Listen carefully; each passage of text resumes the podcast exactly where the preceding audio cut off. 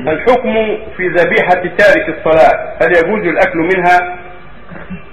الصحيح أن تارك الصلاة متعمدا ولو كسلا بغير جحد الوجوب كان كفر أكبر هذا الصحيح فيه من قول العلماء. ودليل ذلك قول النبي عليه الصلاة والسلام في الحديث الصحيح العهد الذي بينه وبينهم الصلاة فمن تركها فقد كفر. وقال عليه الصلاة والسلام بين الرجل وبين الكفر والشرك ترك الصلاة. وقال في أمراء السوء لما سأله الصحابة عن جهادهم قال لا إلا أن تروا كفرا بواحا عندكم من الله في برهان. وفي لفظ آخر ما قاموا فيكم الصلاة. فدل على أن ترك إقامة الصلاة كفر بواح لأن جعلها بمنزلة كفر البواح وعلم أن أن عدم الإقامة الصلاة كفر بواح. ما قال ما قالوا ما جحدوا فيكم الصلاة قال ما أقاموا فالذي يتركها ولا يقيمها ليس من المسلمين. هذا هو الصواب.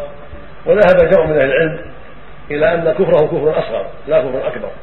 وأن ذبيحته تحل ونكاحه صحيح للمسلمة لأن كفره كفر كفر أصغر يسير الرياء. ومثل كفر من حلف بغير الله من الانسان حلف بغير الله أو من قال الله وفلان أو ما أشبه ذلك.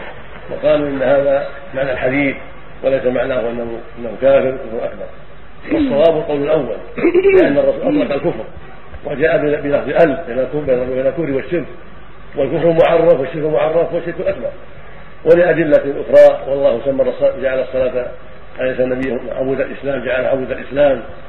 فالمقصود أن تاركها على الأصح كافر أكبر وعلى هذا تكون ذبيحته غير غير شرعية تكون ذبيحته ميتة.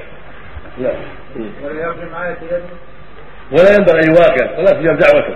ولا يرمى عليه السلام. ولا يرمى عليه السلام. لا يهجر. وإذا رمى السلام ولا يرد عليه السلام. ولا يرد السلام. ولا لا يسلم عليه ولا يرد عليه السلام.